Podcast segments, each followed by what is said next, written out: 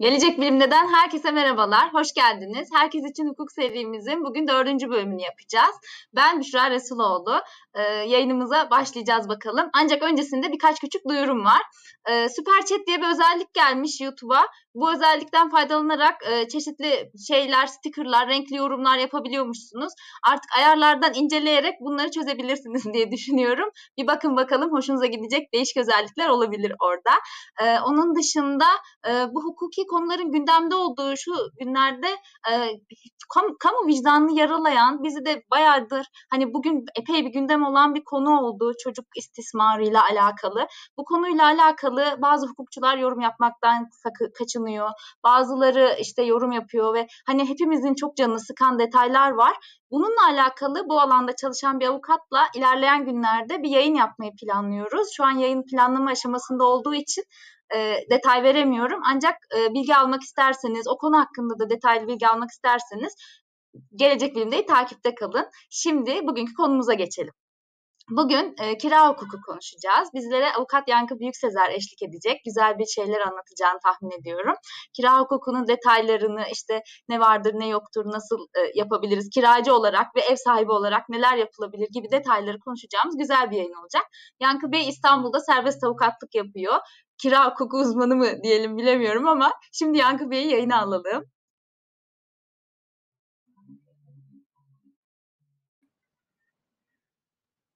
Hoş geldiniz Yankı Bey. Bu arada gösterdiğimiz kişi uzun saçlı ve sakallıydı ama biz birazcık değişik oldu. Saatler olsun diyelim. Nasılsınız? Teşekkür ederim. Sağ olun. Sizler nasılsınız? Teşekkürler, sağ olun. Bizler de iyiyiz. Ee, bugün bakalım neler konuşacağız. Gürültülü bir gün bizim mahalle için. Sanırım bir motor şu anda ses yapıyor arka tarafta. Kardeşimin doğum günü arkada o koşuşturuyor yan odada. Sesimi ara ara kapatacağım bu yüzden. Ee, size şimdi kira hukukunu bütün geniş kapsamlı olarak konuşmak istiyorum. Çünkü izleyicilerimiz arasında bu konuda bilinçlenmeye ihtiyaç duyan çok fazla insan var. E, kiracı olarak da işte e, ev sahibi olarak da izleyenler olabilir. Bununla alakalı olarak mesela bir emlakçıya gittik gibi bir aşamadan bize başlayıp anlatırsanız ara ara da soru oldukça ben alttan yorum olarak veririm. Benim sorum oldukça müsaadeniz olursa keserim. Öyle bir yayın yapalım dedik. Ne dersiniz? Tamamdır tabii ki. Nasıl arzu ederseniz. E, emlakçıya gittik. Hemen önce şu sıkıntıyı bir söyleyelim. E, genelde kira hukuku sorun çıktığında akıllara gelen bir hukuk dalıdır. Sorun çıkmadan önce yani ev sahibiyle kiracı arasında sorun çıkmadan önce kira hukuku akla gelmez. E, bu yüzden de aslında, aslında Türkiye'deki en büyük eksikliklerden biri önleyici hukuk hizmeti bizde yoktur. Yani aslında bir sözleşme aşamasında avukata gidilirse ve avukatla sözleşmenin kurulması aşamasında haklarını sözleşmenin yazılması noktasında konuşulsa aslında bugün ortaya çıkan sorunların çok büyük bir kısmı çıkmayacaktır. En önemlisi kişiler karşılıklı olarak haklarını e, bilecektir. E, mesela e, belki bu franchise emlakçılar değil ama mahalle arası emlakçılar dediğimiz emlakçıların kullandığı bir kira sözleşme tipi var. Bu işte kırtasiyeden alınan klasik bir sözleşme tipidir. O sözleşme tipleri eskidir ve çoğu artık ne yazık ki Türkiye'deki en kötü hukuk pratiklerinden bir kanunların sık ihtiyaca göre devamlı değişmesi, biz hukuk uygulayıcılarının bile mevzuatı bazen takip etmekte zorlanması yüzünden o kira kontratlarındaki birçok madde geçersiz oluyor. Ee, işte mesela çok ayrıntıya girmiyorum ama muaceliyet şartı denilen bir şey vardı. Ee, o 2012'de kalktı. Ama 2020'ye kadar e, ticari konutlarda muaceliyet şartı devam etti. Böyle ufak ayrıntılar vardı. O yüzden e, her ne kadar matbu, basılı, herkesin kullandığı bir sözleşme alınsa da şu unutulmasın kira sözleşmesinin bir tipi yok. Siz ev sahibi, kiracı ikiniz yan yana gelip oturup bir beyaz kağıda bu kira sözleşmesidir deyip her şeyi yazabilirsiniz. Kira sözleşmesinin e, öyle illa bu olacaktır, şu formatta olacaktır diye bir kaidesi yok. Önemli olan asli unsurları belirlemesi gerekir. Nedir? Aylık ödenecek olan tutar, kira sözleşmesinin kaç yıllık olduğu, kira sözleşmesinin başlangıç tarihi, e, neyin kiralandığı, e, demirbaş olup olmadığı, bu demirbaşların ne şekilde kullanılacağı gibi esaslı unsurların bilinmesi, belirlenmesiyle birlikte kira sözleşmesi zaten düzenlenir.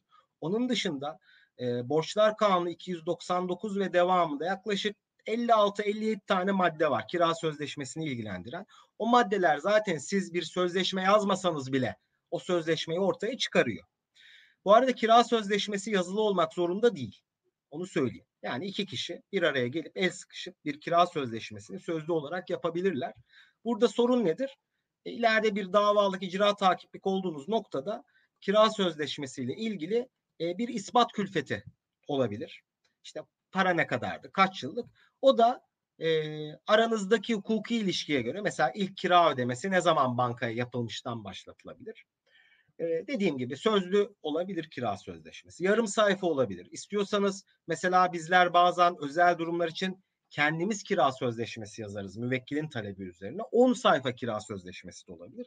Bir sayfa da olabilir. Tamamen ihtiyacı yöneliktir. Ama diyorsanız ki ya arkadaş benim böyle bir işim gücüm yok.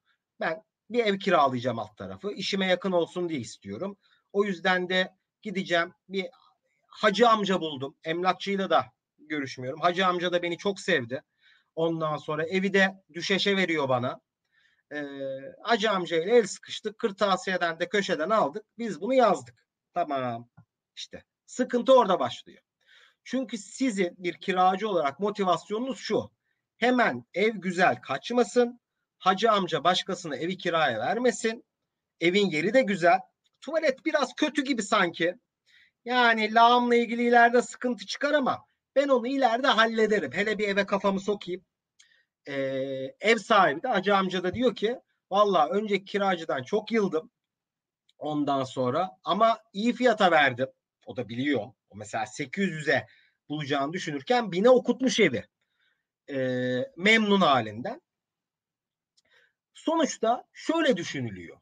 Biz ikimiz de alan memnun, satan memnun olarak aramızda hiçbir ihtilaf olmayacak. İhtilaf olduğu gün işte o da Müslüman, ben de Müslümanım. İllaki bir orta yol buluruz diyorlar ve kıyamet orada kopuyor. Şimdi siz bu sözleşmeyi imzaladınız e, buradan sonra nasıl sorular sorunlar çıkabilir? Biraz bence bunları konuşalım artık. Bütün sorunlar bu karşılıklı güveninden sonra çıkmıyor mu Yankı Bey? O da Müslüman, ben de Müslüman. Hep zaten bir şey olmaz. Benim sözüm senet diyen insanlar arasında sanki çıkıyor gibi. Zaten hani avukatların devreye gireceği sonraki aşama da orada. Burada burada güvenden ziyade biraz kira alanının veya kiralananın daha yaşamsal bir fonksiyon olmasıyla alakası var. Yani insanların şimdi öncü mesela bir ticari iş yapsanız sizin aklınıza ilk gelecek şey ben paramı alabilir miyim, malı satabilir miyim olduğu için siz o sırada çok hukukvari düşünebilirsiniz. Bir şirket kuruyorsanız zaten direkt birine danışırsınız. Ama kiralarken ilk motivasyonunuz kiracı olarak söyleyelim bir ev tutmak. Çünkü öğrencisiniz, okul başlayacak, işe girdiniz, evleniyorsunuz, ev bulmanız lazım. O muhitte ev az gibi. İşte bu biraz hani gabin deriz ya hukukta bu zorlamayla zor durumdan faydalanma. İki tarafta aslında birbirinin zor durumundan faydalanıyor. Ha, ev sahipleri de şunu yapıyor. Şimdi ev sahibi evini kiraya vermiş kiracı çıkmış ya bakıyor ben bu evi daha önce 3000'e verdim ama komşu 4500'e vermiş. Ben o zaman 5000'den yapıştırayım diyor. Orada da ev sahibinin motivasyonu ben daha nasıl kira para alabilirim diyor. E öyle olduğunda da önüne biri geliyor. Diyor ki hacım ben sana 5000 veririm diyor. Ev sahibi diyor ki Allah ver bir istedim bir göz Allah verdi iki göz yapıştır gitsin diyor 5000 lirayı. E ondan sonra ne oluyor? E, Ev sahibi 2 ay 5 bin lirasını alıyor. 3. ay pat bir patlıyor 5 bin lira gelmiyor. 4. ay 5 bin lira gelmiyor. Ondan sonra hadi bakalım benim kiram ödenmedi. Ya o zaman siz bu belki işin psikolojik kısmı kira hukukunun e, pratik kısmı diyelim. Bir evi sadece ev sahibi olarak kiraya verme noktasında sadece ödenecek meblağ değil biraz da sarraf da olmanız lazım. Mesela şu vardır ya bekara ev vermem. İşte şunu ev vermem. Ya bekar, bekara falan geç. Parayı verebilecek olana ev ver. Bekarla senin ne işin var? Ha bekar olmuş ne? Ben bu işte çok gördüm. İşi gücü olan, evli çocuğu olan kişilerin çok güzel kira borcu taktıklarını. Yani ama ne ne bekarların ne öğrencilerin de kirasını günü gününe yatırdığını da çok gördüm. Önemli olan çünkü o asli unsurları belirlemek. Burada o dedemin yüzden- bir kuralı var. Dedem memur olmayana ev vermez. Yani gerçi kirada çok evi yok. Bir tane evi var ama memur olsun. Dedemin kafası maaş hazzine yönelik çalışıyor galiba. E, maaş haizinde 1 bölü 4 olur. E, neyi Yani kurtaracak? işte. E kurtaracağı kadar. İşte bir memur olsun, memur kefili de olsun. Dedemin dede kafası işte. Hani o belki hemen, de hemen araya girelim. Güzel Girelim. oldu. Ke- Kefil dediniz. E, ha, kefilde dikkat edilmesi gereken bir şey. Kiracılar size söyleyeyim, ev sahipleri siz bunu dinlemeyin. Şimdi ev sahipleri kira sözleşmesini bir yıllık yapmak ister. Bunu niye istediklerini tam bilemiyoruz. Çünkü artık ev sahibi düzgün ödenen bir kirada 10 yıl süreyle kiracıyı çıkartamıyor. Yani siz o sözleşmeyi bir yıl yapmanızın aslında çok bir işi yok. Yani ne olur işte 3 artı 10 falan onlara girmiyorum o detaylara. Ama bir e, yıl yapmanızın çok bir hayrı yok. Ama kefili eğer siz bir yıllık kira sözleşmesine bir de kefil yazarsanız bir kefil Türk Borçlar Kanunu'na göre el yazısıyla ödediği miktarın ne olduğunu bilerek eğer evli ise eşinin rızasının olduğunu belirterek ve eş rızasında alınarak kefalet sözleşmesi kira kontratının altına yazacak. Diyelim ki böyle bir kefil buldunuz. Kefili el yazısıyla geldi, eşinden rıza aldı falan müthiş gidiyor işler. Ama orada bir yıllık süreyle sınırlı ya kira sözleşmesi. O zaman kefilin de süresi bir yıldır. Kira sözleşmesi otomatikman ikinci yılı uzadığı andan itibaren kefilin sorumluluğu biter.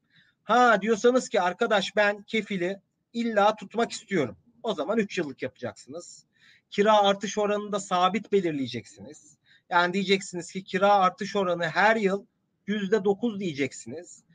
O yüzden birinci yıl şu kadar, ikinci yıl bu kadar, üçüncü yıl bu kadar diye belirteceksiniz. Kefil de ödeyeceği rakamları bildiği için 3 yıl kefili bağlıyorsunuz. Nasıl yani? Şöyle bir şey oluyor ya bu sabit kırtasiye sözleşmelerinde. Tefe ile üfe ortalamasının değişen oranlarına Kefil göredir. bilemez ki. Hayır kefil bilemez ama Bunu bilemediği için o halde oraya imza atan kefil kişi oradaki ikinci kefilliğinden seneden sorumlu değil. birinci seneden sorumlu. Çünkü birinci sene belli zaten o oran Belli. ilan Aynen edilmiş öyle. oluyor. Hmm. Enteresan. E, yo bu yüzden çok patlar. Bu yüzden e, hem kefile hem kiracıya e, şey yapılır, e, takip yapılır. Kefil itiraz eder, bir bakarsın kefilin kefaleti bir yıllık, kefile bir daha hiçbir şey yapamaz.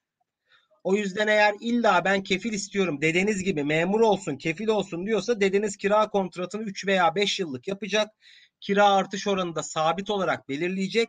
Ama bunu sabit olarak belirlerken de e, tüfe oranının yıllık 12 aylık değişim oranının altında bir tutar tutturmaya çalışacak. Şimdi tüfe %13, %14'lerde gidiyor.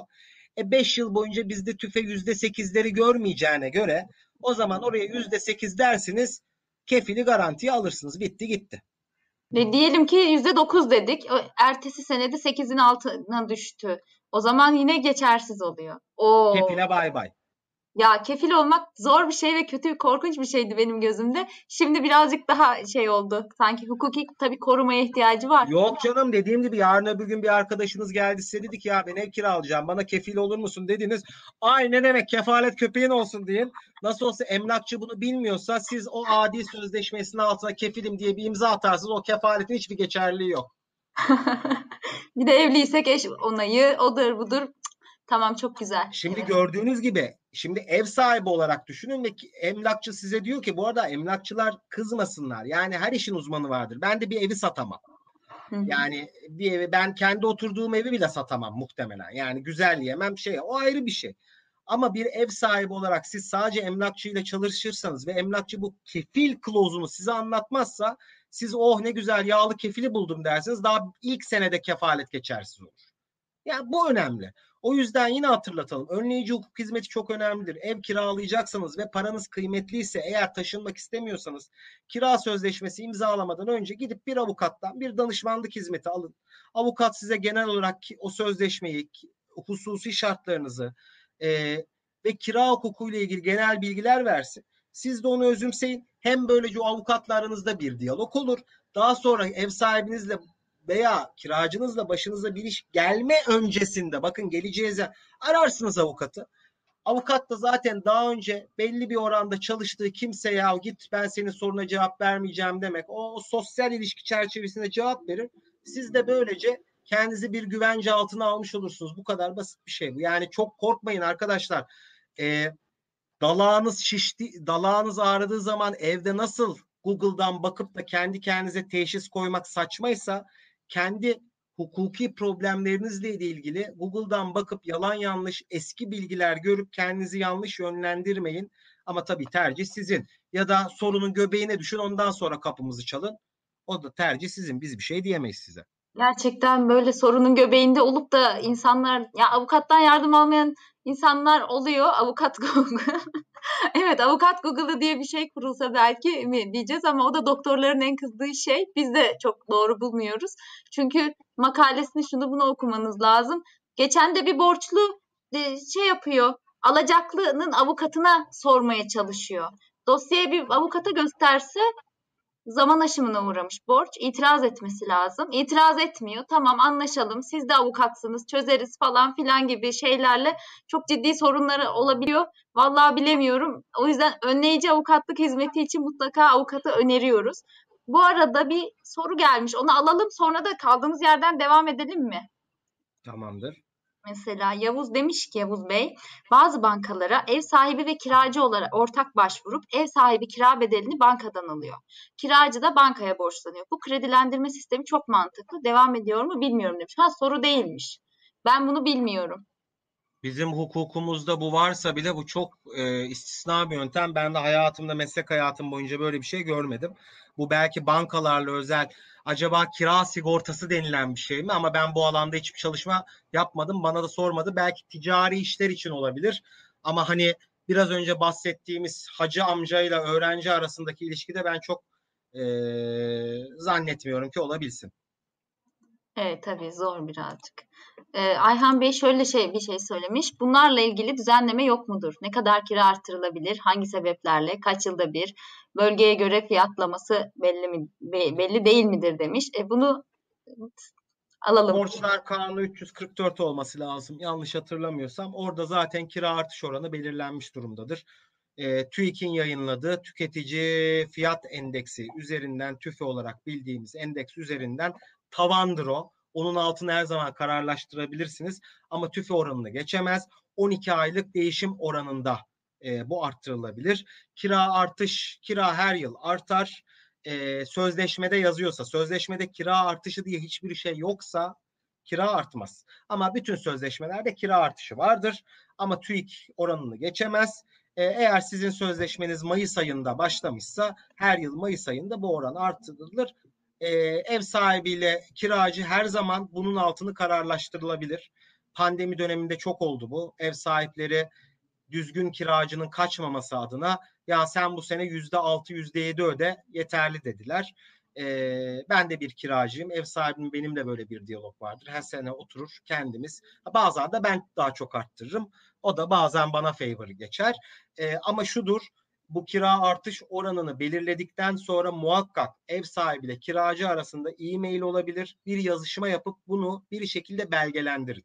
Çünkü yine iyi niyet, e, cehennemin yolları iyi niyet taşlarıyla bezelidir üzerinden. E, siz bir kiracı olarak ev sahibinin size söylediği bu sene yüzde beş arttır, bu sene arttırma beyanına güvenerek kirayı ödersiniz. E, üç sene sonra ev sahibinin canı sıkılır. Ya para ihtiyacım var bu yasal artış oranını yapmadı der. E, sizi icraya verir. Siz de dersiniz ki ya bana ama 3 sene önce bunu dedi dediğinde mahkeme doğal olarak size şunu sorar. E, hani bunun hani? belgesi hani nerede? Ya, e, dersiniz ev sahibine ya ben sana güveniyorum da hani ölürüm kalırım hanımın elinde bir yazılı belge olsun filan dersiniz. Bir şekilde bir yazılı belge almaya mail olabilir mail çünkü WhatsApp'ı öneririm ama WhatsApp yazışmasını 3 sene tutamayabilirsiniz. Yani telefona bir şey olur filan ama maile bir şey olmuyor. Ondan sonra e, dediğim gibi ama oran kanunda net belirlenmiştir. Hayır bölge mahalleye göre kira artış oranı değişmez. O tamamen sizde ev sahibi arasında 344 net olarak belirlemiş onu. Tamam. Ama mesela bazı durumlarda uyarlama ile ilgili şeyler yapılabiliyor. E, Hayır bu, o o e, uyarlamayı uyarlamayı daha çok ev sahibi. Yani kiracının uyarlama istemesi çok zor. Kiracı çünkü şartları bilerek giriyor ve ona belirlem. Yani ben kiracı olarak uyarlama hiç açmadım. Muhtemelen açılmıştır. Yani bu pandemi dolayısıyla açıldı zaten. Hı hı. Evet. Mücbir sebep. Ee, yani kiracının uyarlama açabilmesi, uyarlama nedir onu söyleyeyim. Ha, Siz evet. Mücbir sebebi de. Yani süre gelen bir ilişkide diyorsunuz ki ya biz kirayı arttırıyoruz veya kira ödüyoruz ama bu kira çok veya bu kira az. Hakim müdahale etsin diyorsunuz. Sulh hukuk mahkemesinin her an müdahale hakkı var siz dava açtığınız sürece. Ee, ev sahibi şunu diyebilir ya biz bunu soktuk içeri çok memnunuz ama e, bu kira artış yasal oran benim burayı karşılamıyor. Burada mülkler gitti, metro geldi, AVM açıldı, o oldu, bu oldu. Kiralar oldu 5 bin lira biz hala 2 binden kira alıyoruz diyorsunuz. Ve gidiyorsunuz mahkemeye diyorsunuz ki bunun emsal oranı belirlensin. Ben 5 bin istiyorum diyorsunuz. Mahkemede 4 bin diye belirliyor. Ondan sonra. İşte buna uyarlama davası diyoruz. Evet. Genelde de ev sahipleri yapıyor diyorsunuz. Ama evet. kiracı olarak da pandemi döneminde yapanlar oldu. Bu arada e, artış oranı ile ilgili de kiracı ile ev sahibi kendi arasında yapar dediniz. E, ev sahibi tamam bu sene artış yapmıyorum dediyse çok da güvenmemek. Bunda da yazılı bir şekilde onay almak lazım diyoruz. Şimdi birisi yok kiracıyı nasıl çıkarırım falan gibi bir şey sormuş. Onu sonuna doğru zaten olayın akışında anlatacağız belki çıkmak için gerekli sebepleri. Ee, bir arkadaşımız şey demiş yani spesifik olarak bununla benzer sorulara cevap vermiyoruz.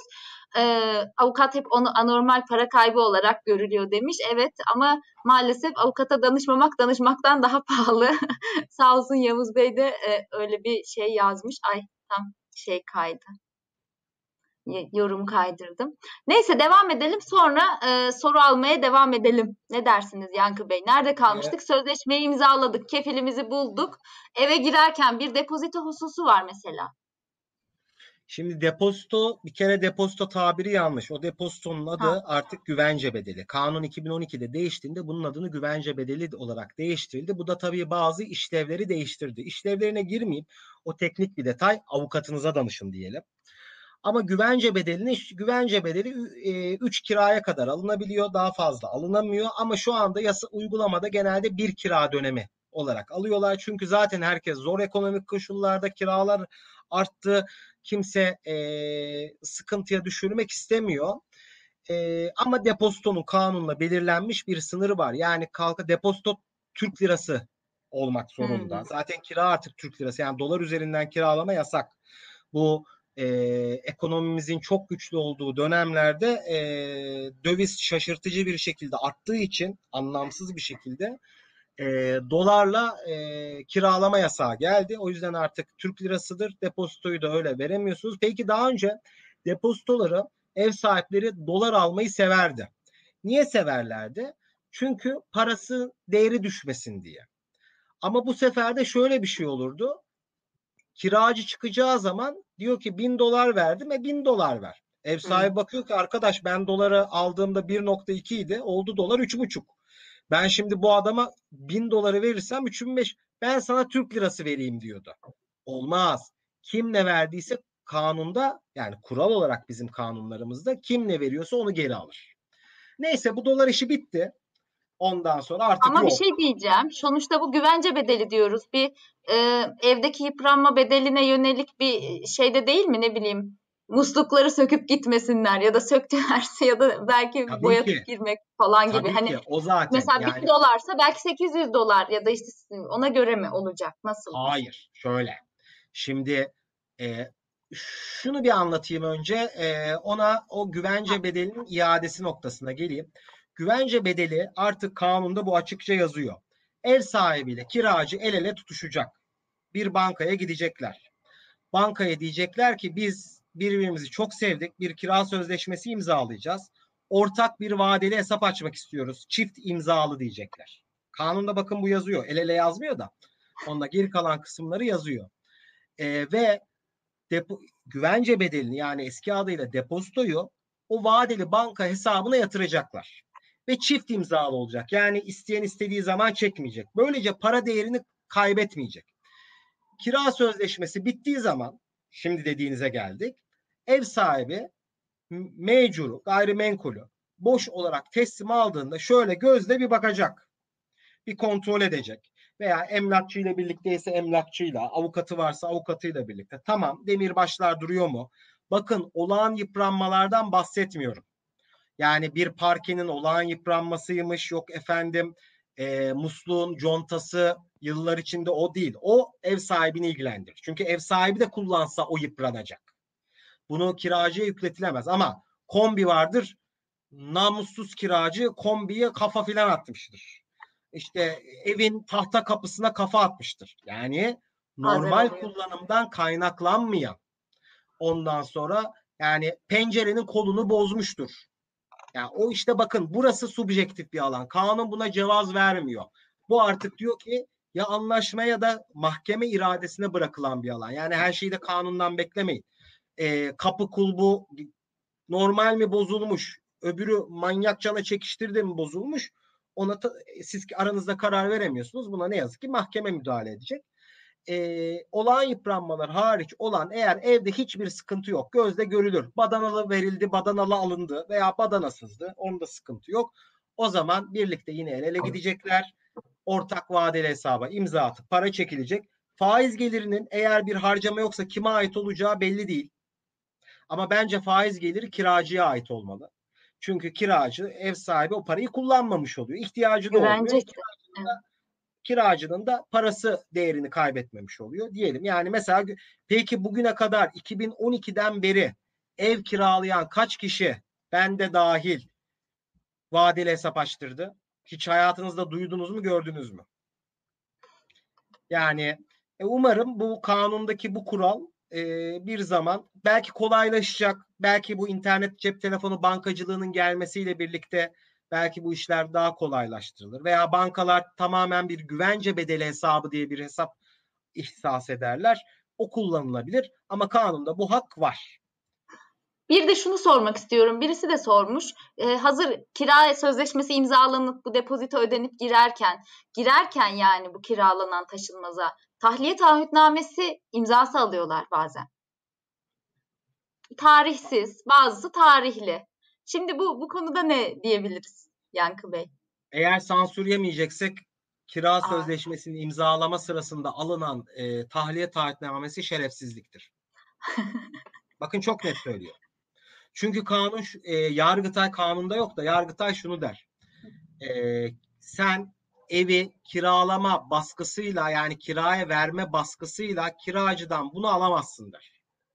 Çünkü sen orada bir gabin hükmü uyguluyorsun. Bak evi sana kiraya veririm ama hani başlık parası zorlar gibi. Anlatabiliyor muyum? Ee, ama peki nasıl ispatlayacaksınız? Ha. Ev sahibi aldı bunu. imzasız, tarihsiz. Yarın öbür gün canı istediğinde içeriğini doldurdu, icraya koydu. Örnek 14'ten takibini bastı. Tahliye ee, için açılan icra takibi yani kiracının evet, tahliyesi için. Ondan sonra e, bastı.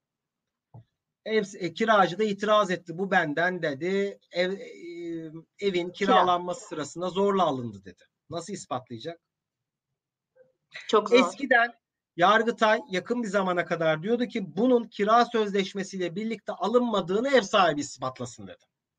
Hmm. Ama bizim e, burada hani hukukçu olmayan izleyiciler için söyleyeyim. Yargıtay şöyle bizim yargıtayımız şöyle eğlencelidir. İşte akşam yatarken duvara siyah der. Sabah uyanır. Hadi bakalım biraz da beyaz diyelim neler olacak der. Ondan sonra bir gecede iştahat değişir. Siz yav dersiniz. O yüzden Yargıtay şimdi diyor ki tahliye taahhütnamesinin kira sözleşmesi başında imzalanmadığını kiracı ispatlasın diyor.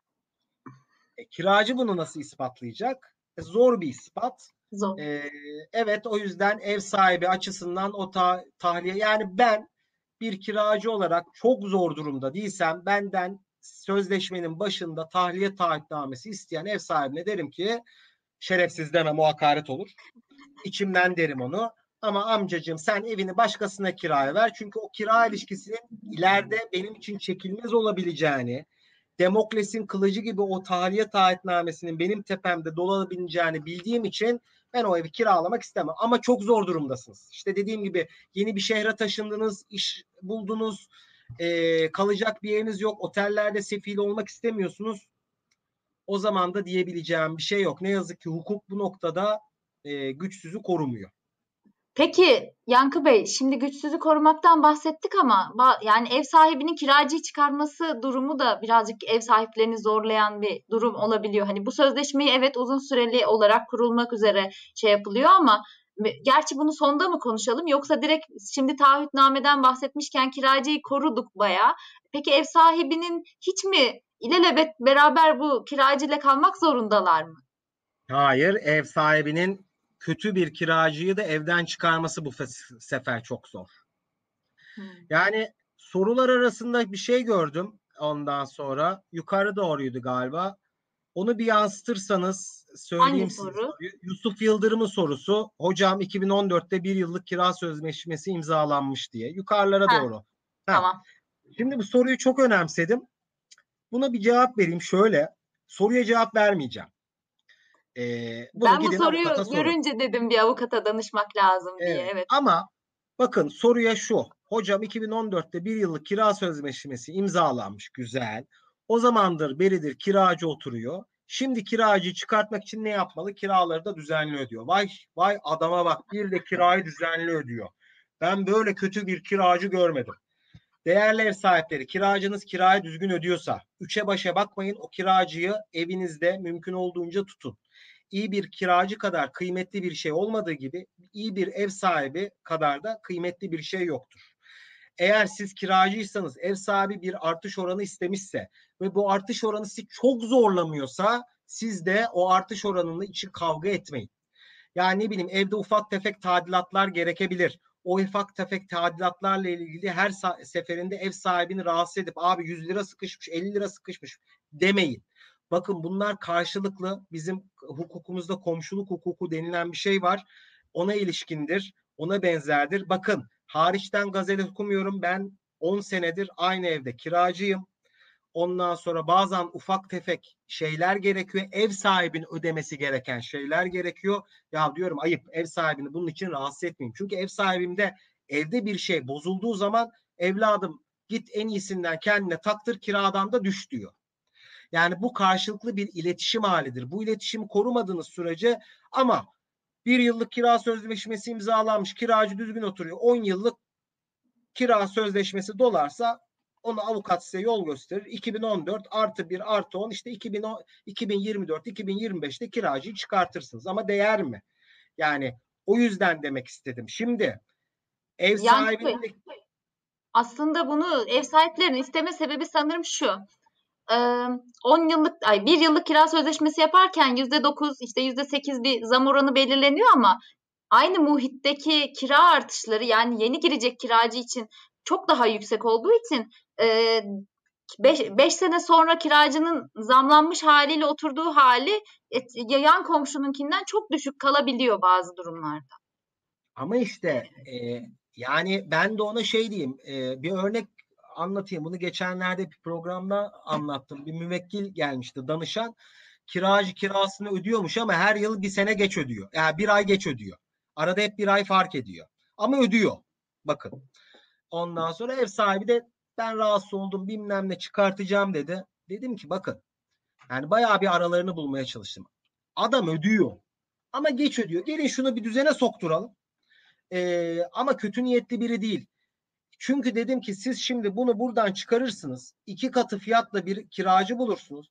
O kiracı iki ay, üç ay öder. Ondan sonra ödemeyi bir keser. Siz şu anda elde ettiğiniz gelirden de mahrum kalırsınız. Bir de onu tahliye için uğraşırsınız. Avukata para verirsiniz. Şu bu filan olur. Alın başına belayı. Ne gerek var buna? Ben onları yaklaşık bir buçuk sene önce uzlaştırdım. Hala bir buçuk senedir gayet güzel bir iletişim halinde iki tarafta memnun gidiyor. Dediğim gibi önemli olan o 3'e 5'e bakmak değil. Ama tabii ki dersiniz ben bir evim var onu da kiraya vermekle çocuğumu okutuyorum falan. Yani bakın çok özel durumlar saklı. Ben istisnalardan bahsetmiyorum. Ben sadece size genel durum söylüyorum. İstisnaları geçebiliriz. E, aklıma bir şey daha gelmiş. Bu demirbaşlar konusu. Girerkenki gibi iade edilecek. Depozito eğer ki yıpranma payı, yıpranma durumu varsa düşülecek. Ee, yok. yok. Nasıl? Nasıldı? Ne demiştik? Onu bir tekrar alalım. Demirbaş'taki olağan yıpranmadan kiracı sorumlu değildir.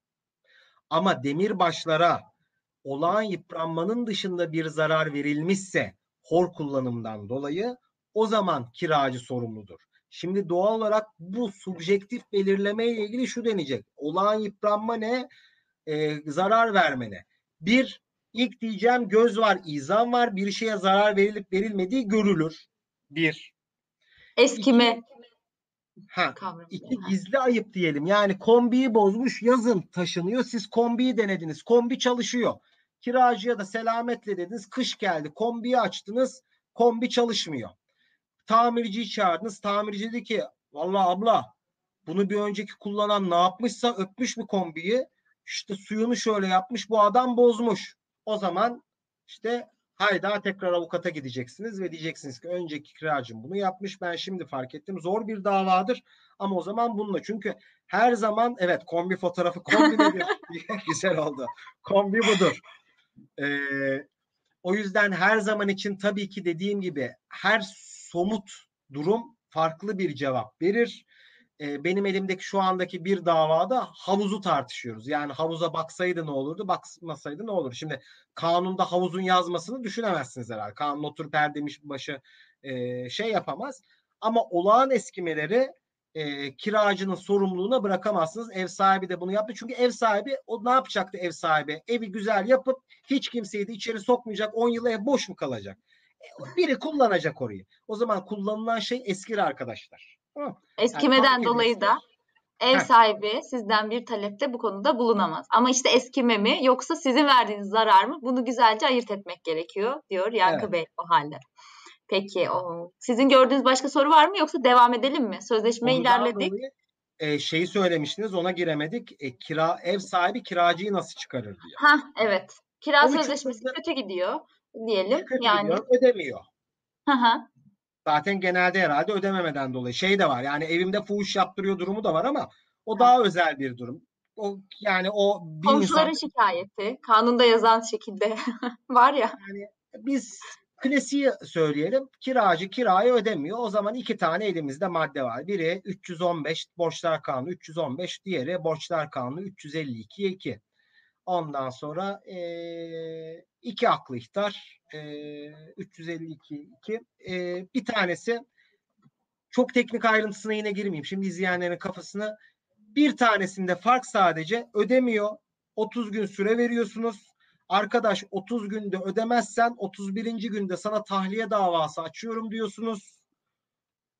Bunun için kira sözleşmesinin yıllık bitimine beklemeye gerek yok.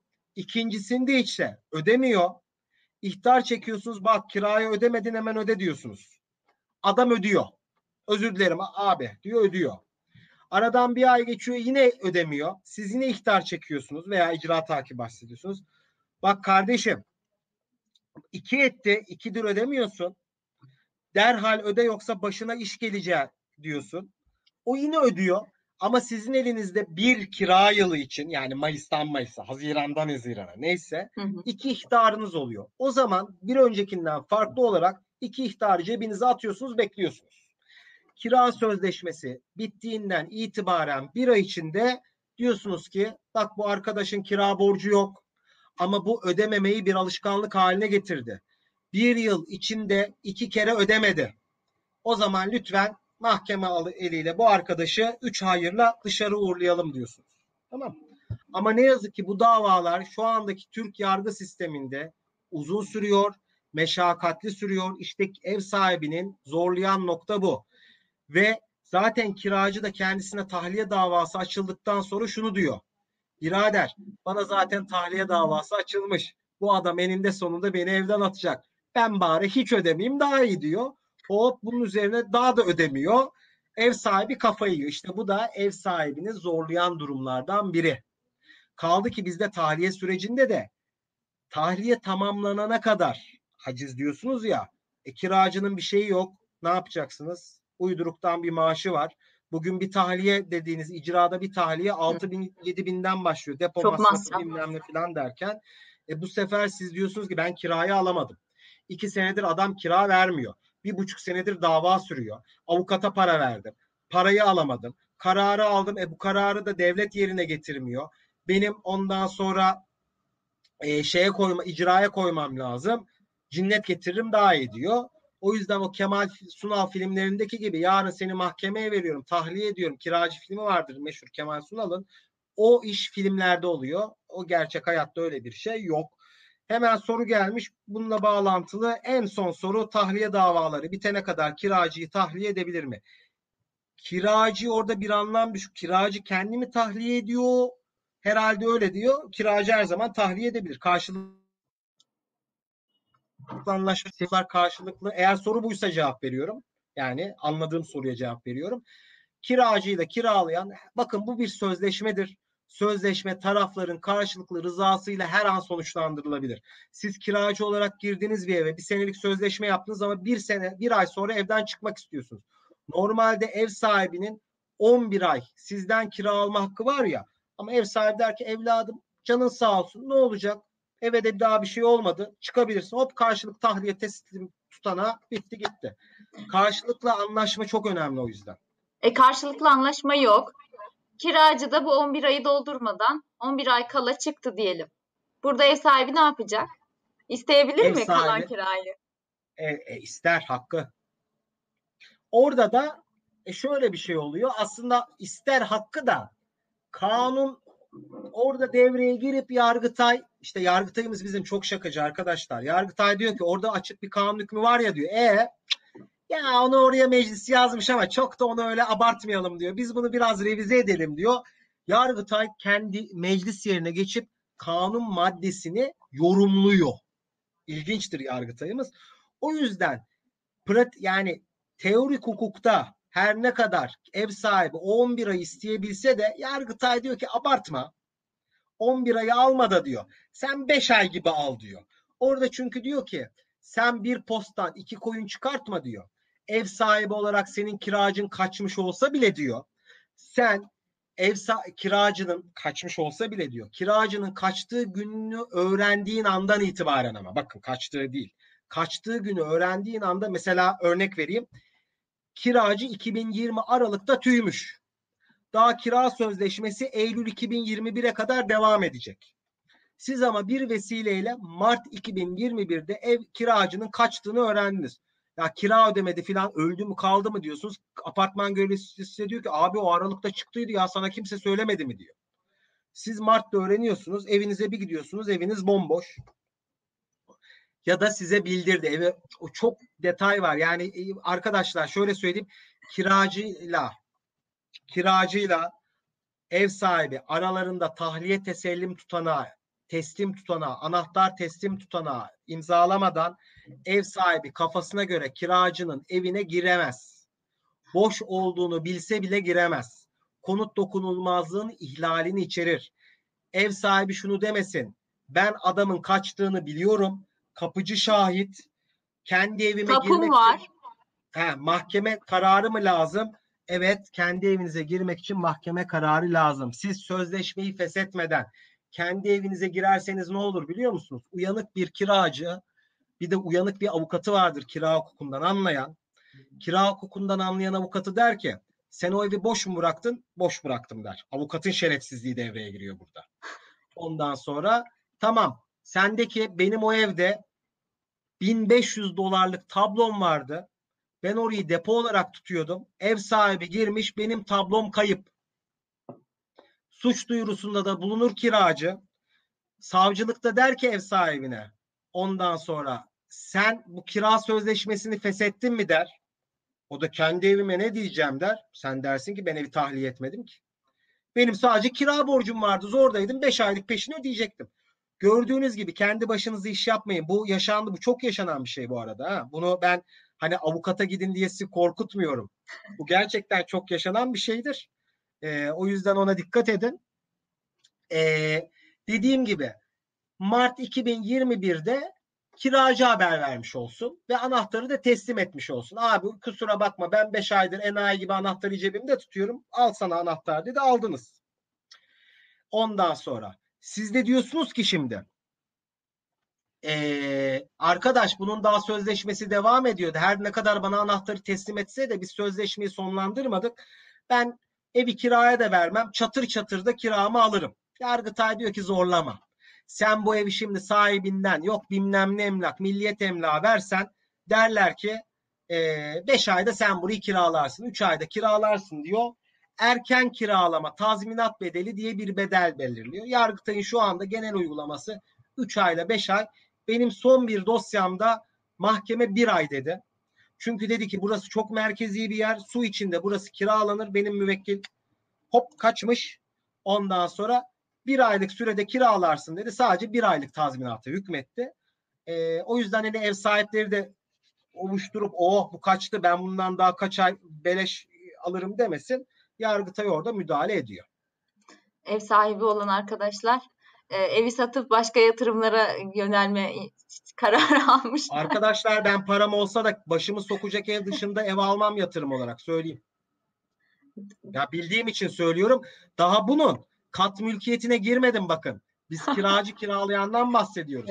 Yani benim param olursa yani hakikat param olursa araba almam bütün taksiler benim.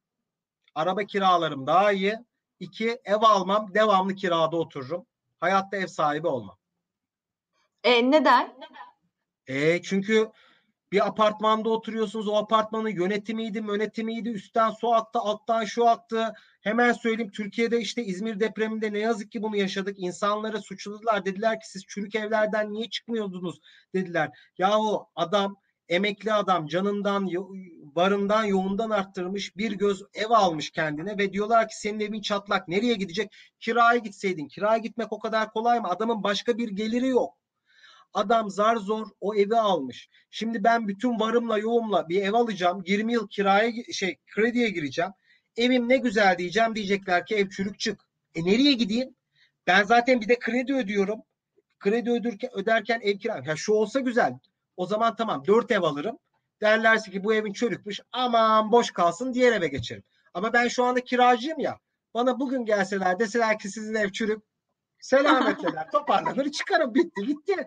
En kötü biraz daha fazla parayla bir yere gitmiş olabilirim ama bütün evler benim. Paşa gönül benim. E doğru yani, ama yatırım tavsiyesi gibi de oldu şimdi Yankı Bey. Ya biz de ne yazık ki çok fazla dağ taşa parayı gömmeye seviyoruz. Ondan sonra da malın var, derdin var oluyor. Ondan sonra kiracısıyla uğraşıyorsun. Apartman yönetimi yok. Üstten su aktı. Otoparkı o park etmiş. Hadi genel kurul topluyoruz, aidat belirleyelim. Arsa payları, ben bir de kat mülkiyet hukukuyla da ilgilendiğim için çok iyi biliyorum bunu. Ee, hani belki onu da başka bir gün konuşuruz bir kat mülkiyeti, imar vesaire diye. O yüzden yani ben yaptığım için ben almam ama alana da mani olmam. Birileri de aslında bana yine iş çıksın. Öyle diyeyim en azından. Tabii. Tabii haklısınız. Mesela bir de şöyle bir bahane var. Almanya'dan oğlum geliyor. Çık falan gibi. Kanunda buna benzer bir şeyler vardı diye hatırlıyorum. Çıkma e, yani e, evet. böyle e, bir ihtiyaç olduğunu öne sürerek ev sahibi kiracısını çıkartabilir mi? Çıkartabilir. Ee, birinci bir arkadaşımız derece, sormuş. E, birinci derece alt üst soy ihtiyacı sebebiyle, kendi ihtiyacı sebebiyle, kullanım ihtiyacı sebebiyle e, kiracıyı çıkartabilir. Süre, süreler var orada. O sürelere e, şey yapıyorsunuz, riayet etmeniz gerekiyor. Kanunda zaten e, bunlarla ilgili sürelerde belli. Avukatınıza başvurursanız avukatınız size e, uygun süreleri belirler. Ama her durumun farklı süreleri var. Yani e, yeni ev, siz yeni aldığınız evi içinde kiracı varın süresi farklıdır. İşte bir ay içinde ihtarname çekmeniz lazım. Bir ay içinde çekeceğiniz ihtarnameyle evi satın aldıktan 6 ay sonra çıkartabiliyorsunuz. İhtiyaç halinde ise orada farklı bir süre var. İşte 3 ay önceden belirsiz süreli. Bunlar çok teknik ayrıntılar. Bunları hani e, ihtiyacınız olduğu zaman gidin sorun. E, ama işte hakkınız var diyeyim ama kafanıza göre de gidip bir notere ihtarname çekmeyin. Yani orada süreler var. Hukuk dilinden anlıyorsanız oturun bakın Türk Borçlar Kanunu kira hukuk konusunda çok açıktır. Detaylı diyorsunuz. Değildir. Ama bunun yanında iştahatla da işleyen bir yargı pratiğidir. Yani koca kira hukukunu 299. maddeden 357 veya 356 yani 57 56 maddede koca kira hukuku sıkışmış durumda. Demek ki bu açığı dolduran bir de iştahatlar var. Hani Ha dersiniz ki ben Google'dan iştahat okuyacağım, kira, kontratı da okuyacağım, bir de kitap alırım. E, o zaman amenna canım. Zaten kendi işinizi kendiniz görürsünüz. Ne? İçtihat dediğimiz şeyin örnek mahkeme kararları olduğunu da belirtelim. Çünkü hukukçu olmayan izleyiciler belki bilmeyebilir. Bakalım başka yavaştan toparlayalım isterseniz. Satış Evet. kirayı bozar mı? Sanırım siz maç izleyecektiniz. Ben Maça değil da- burada yani bir sürü kişi izleyecektir. Ha, ilk 5 dakika 10 dakika önemli değil de Ukrayna İsveç maçı var onu izleyelim. Anladım. Evet, o zaman son soruları alıp yavaştan Satış kapatalım. kirayı boz, satış kirayı bozmaz. Bu arada ben bu tabiri çok sevdim. Süper bir tabir. Ee, hadis var arkadaşlar. Satış kirayı bozmaz. Ee, kiracı aynen devam eder. Ee, aynı koşullarla ama yeni ev sahibi biraz önce söylediğim gibi kendi ihtiyacı sebebiyle kullanacaksa ee, o zaman 6 ay sonra açacağı bir davayla e, kiracıyı evden çıkartabilir. Evet, çünkü yeni satın alan e, maliklerin böyle sorunları olabiliyor zaman zaman. Bana bile gelmişti böyle bir soru. E, Yankı Bey haklı demişler. Ben de param olsa Bitcoin'e basarım. Bu ara Bitcoin birazcık yükselişte Yani galiba. o da yani o da sallantıda. Yani siz bilirsiniz bir şey yok. Tabii biz yatırım alanında uzman değiliz. Yakının ihtiyacı nedeniyle sürelere uyularak kalan kiracı 10 seneye daha erken. Bunu az önce konuştuk. Yakın ihtiyacından dolayı e, çeşitli sürelere uyularak tahliye için başvurabilirsiniz kiracı e, kiracıyla bu şeyi yapabilirsiniz diye az önce de bahsettik. Bunun dışında bakalım. Aa, kira bedelinin elden verilmesi bir sıkıntı yaratır mı? Üf. Üf. Yaratmaz olur mu? Bakın bir kere vergi pratiği ve vergi usulü gereği 500 liranın üzerindeki kiralar zaten e, banka kanalıyla yatırılmak zorunda. Yatırma- Kanunen kanunen zorunda. belirtelim. yatırmadığınız noktada e, vergi kaçırmadan dolayı vergi dairesi bir ziyaret eder bir şikayet halinde. Kaldı ki vergi daireleri imkanları olduğu noktada bu konuda çok net. Tapu kimin adına bakıyor, elektrik su kimin adına bağlanmış bakıyor. Tapu Ali adına, elektrik su Ahmet adına. Ali'ye diyor ki Aliciğim sen bir gel. Burada kim oturuyor diyor. Hop oradan sizi tak tak araklıyor. Şimdi diyelim ki e, siz yine de elden veriyorsunuz. E, ispat nasıl olacak? E, mahkemeler vergi pratiğine bakmaz. Yani siz elden verdiğinizin karşılığında bir makbuz alıyorsanız, eskiden hatırlar mısınız bilmiyorum. Büşra Hanım belki hatırlamaz ama benim, benim yaş grubu hatırlar. Kira makbuzu vardı. Ev sahipleri kiracıya verildi. Böyle bir serbest meslek makbuzu gibi. Kırtasiyede mi satılıyordu? Evet, kırtasiyede satılırdı. Kira makbuzu vardı. Ee, eğer ondan alıyorsanız burada ispat külfeti. Erol Bey ispat külfeti çok önemli. Yani kiracı kirayı verdiğini nasıl ispatlayacak? Banka güzel bir ispat ama siz her ay ev sahibinden işte bu ay 2000 lira elden alındı, 2000 lira elden alındı diye kendi el yazısıyla imzasıyla yazı alabiliyorsanız tamam bununla ilgili bir sıkıntı yok. Kiranın bankadan yatırılmamasıyla ilgili vergi ev sahibini bağlar. Kiracıyı bağlamaz. Ama siz ev sahibinden o belgeyi almakta zorluk çektiğiniz anda gitti iş. Sıkıntı. Yani önemli olan ispat külfeti. İspatlayabiliyorsanız hiç sıkıntı değil. Ödemedi deyip her an bir şey çıkabilir ya da Ay, kiracı mesela- ödedim ben diyebilir. Yazılı Elden almak her almayın. iki taraf için de kötü. Açın ön kamerayı ev sahibine parayı verirken evet Mart 2021 kirasını ev sahibimize elden teslim ediyoruz diye video çekin. Hiç denenmedi ama bence bu bir ispattır. Evet ev sahibi de orada gülümseyerek parayı alıyorsa. Alıyorum, alıyorum evet filan diye. Evet Yani onu. Ee, lütfen ee, kira şeyden vergiden yart- yırtmak için çift kira sözleşmesi yapmayın sevgili ev sahipleri. Sonra bir ihtilaf olduğunda çok patlıyorsunuz. E, kira sözleşmesini 1000 liradan gösterip 2000 lira alıyorsunuz. Sonra siz 2000 lira icra takibine koyuyorsunuz. E, kiracı çıkarıyor diyor ki benim kira kontratım 1000 lira. İmzalamışız bitti gitti. Vergi kaçıracağım diye e, çift kira sözleşmesi yapmayın. Gerek yok. çift kira sözleşmesi sıkıntı tabii ama bu iki taraf için de şey değil mi? Bir oyun bir şey biz şey yapıyorlar yani hani bir şeyleri gizlemek için farklı bir işle yapılan bir şey. Gerek yok. Ne varsa o şekilde imzalayın işte Şimdi yani. Büşra Hanım bir soru gelmiş. Soruyu yansıtmayın. Ben söyleyeyim. Ee, ciddi ciddi bir hukuki bir soru sorulmuş. Yani kendi spesifik olayına. Bakın ee, bu soruyu size ancak danışabileceğiniz bir avukat yanıtlar. Yani bu zaten yani nasıl diyeyim yine aynı örneği vereyim. Son kapanış bu olsun. Yani sizin kalbiniz çarpıntı yapıyor. Siz arayacaksınız doktoru. Doktor bey benim kalbim çarpıntı yapıyor. Sizce ne yapayım? Ya taşikardin mi var? Panik atak mı geçiriyorsun? Tektiki EKG çekildi mi? Telefonda bu teşhisi nasıl yapabilsin doktor? Ama doktor sizi alır, inceler, eder der ki arkadaş senin şuyun var der. O yüzden e, yarım hukuk maldan biliyorsunuz. E, ona da dikkat Yarım edin. hukuk. Böyle sorularınızı sağda solda forumlarda falan sorup sorup ondan sonra da yanlış cevaplar alıp e, sonra da kurtar bizi avukat diyorsunuz. Ya da dediğim gibi yapın yine avukata gelin. Ne diyeyim aynı kapıya denk geliyor. Evet böyle yerlerde yorum yoluyla detaylı anlattığınızı düşünüyorsunuz ama karşılıklı bir araya gelindiğinde sorulacak çok fazla detay var. E, biz buradan bir şekilde sizin spesifik sorularınıza maalesef cevap veremeyeceğiz. E, o yüzden de an, çok güzel de siz açıkladınız Yankı Bey. Kira hukukuyla alakalı programımızı o halde yavaştan kapatabiliriz. Teşekkür ederiz. Başlangıcından sonuna kadar çok güzel, akıcı bir program oldu bizim için. Konuğumuz olduğunuz için sağ olun. Kat mülkiyetiyle alakalı bir hususlarda ilgili de sizin daha sonradan tekrar davet edici, edeceğiz diyelim. Sizden bir söz alalım isterseniz.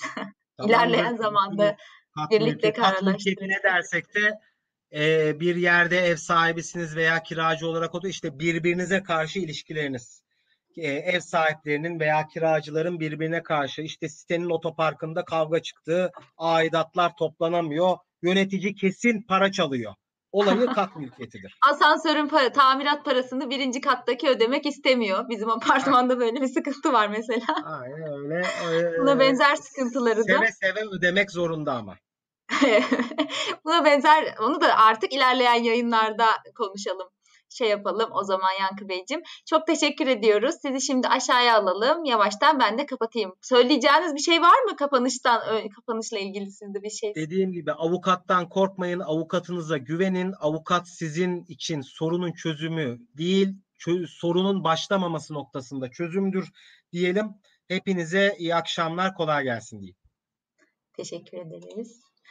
Evet arkadaşlar, bugün de güzel bir şekilde Yankı Bey'den çok keyifli bir sohbet ederek kira hukukunu dinledik. Bir dahaki bölümümüz iki hafta sonra olacak. Tekrar takipte kalırsanız duyurulardan haberdar olabilirsiniz konusu hakkında ve konuğumuz hakkında. Bizleri izlediğiniz için teşekkür ederiz. Yeni konularımız ve konuklarımızla takipte kalın. Herkes için hukuk serisinde haklarımızdan haberdar olalım. Görüşmek üzere.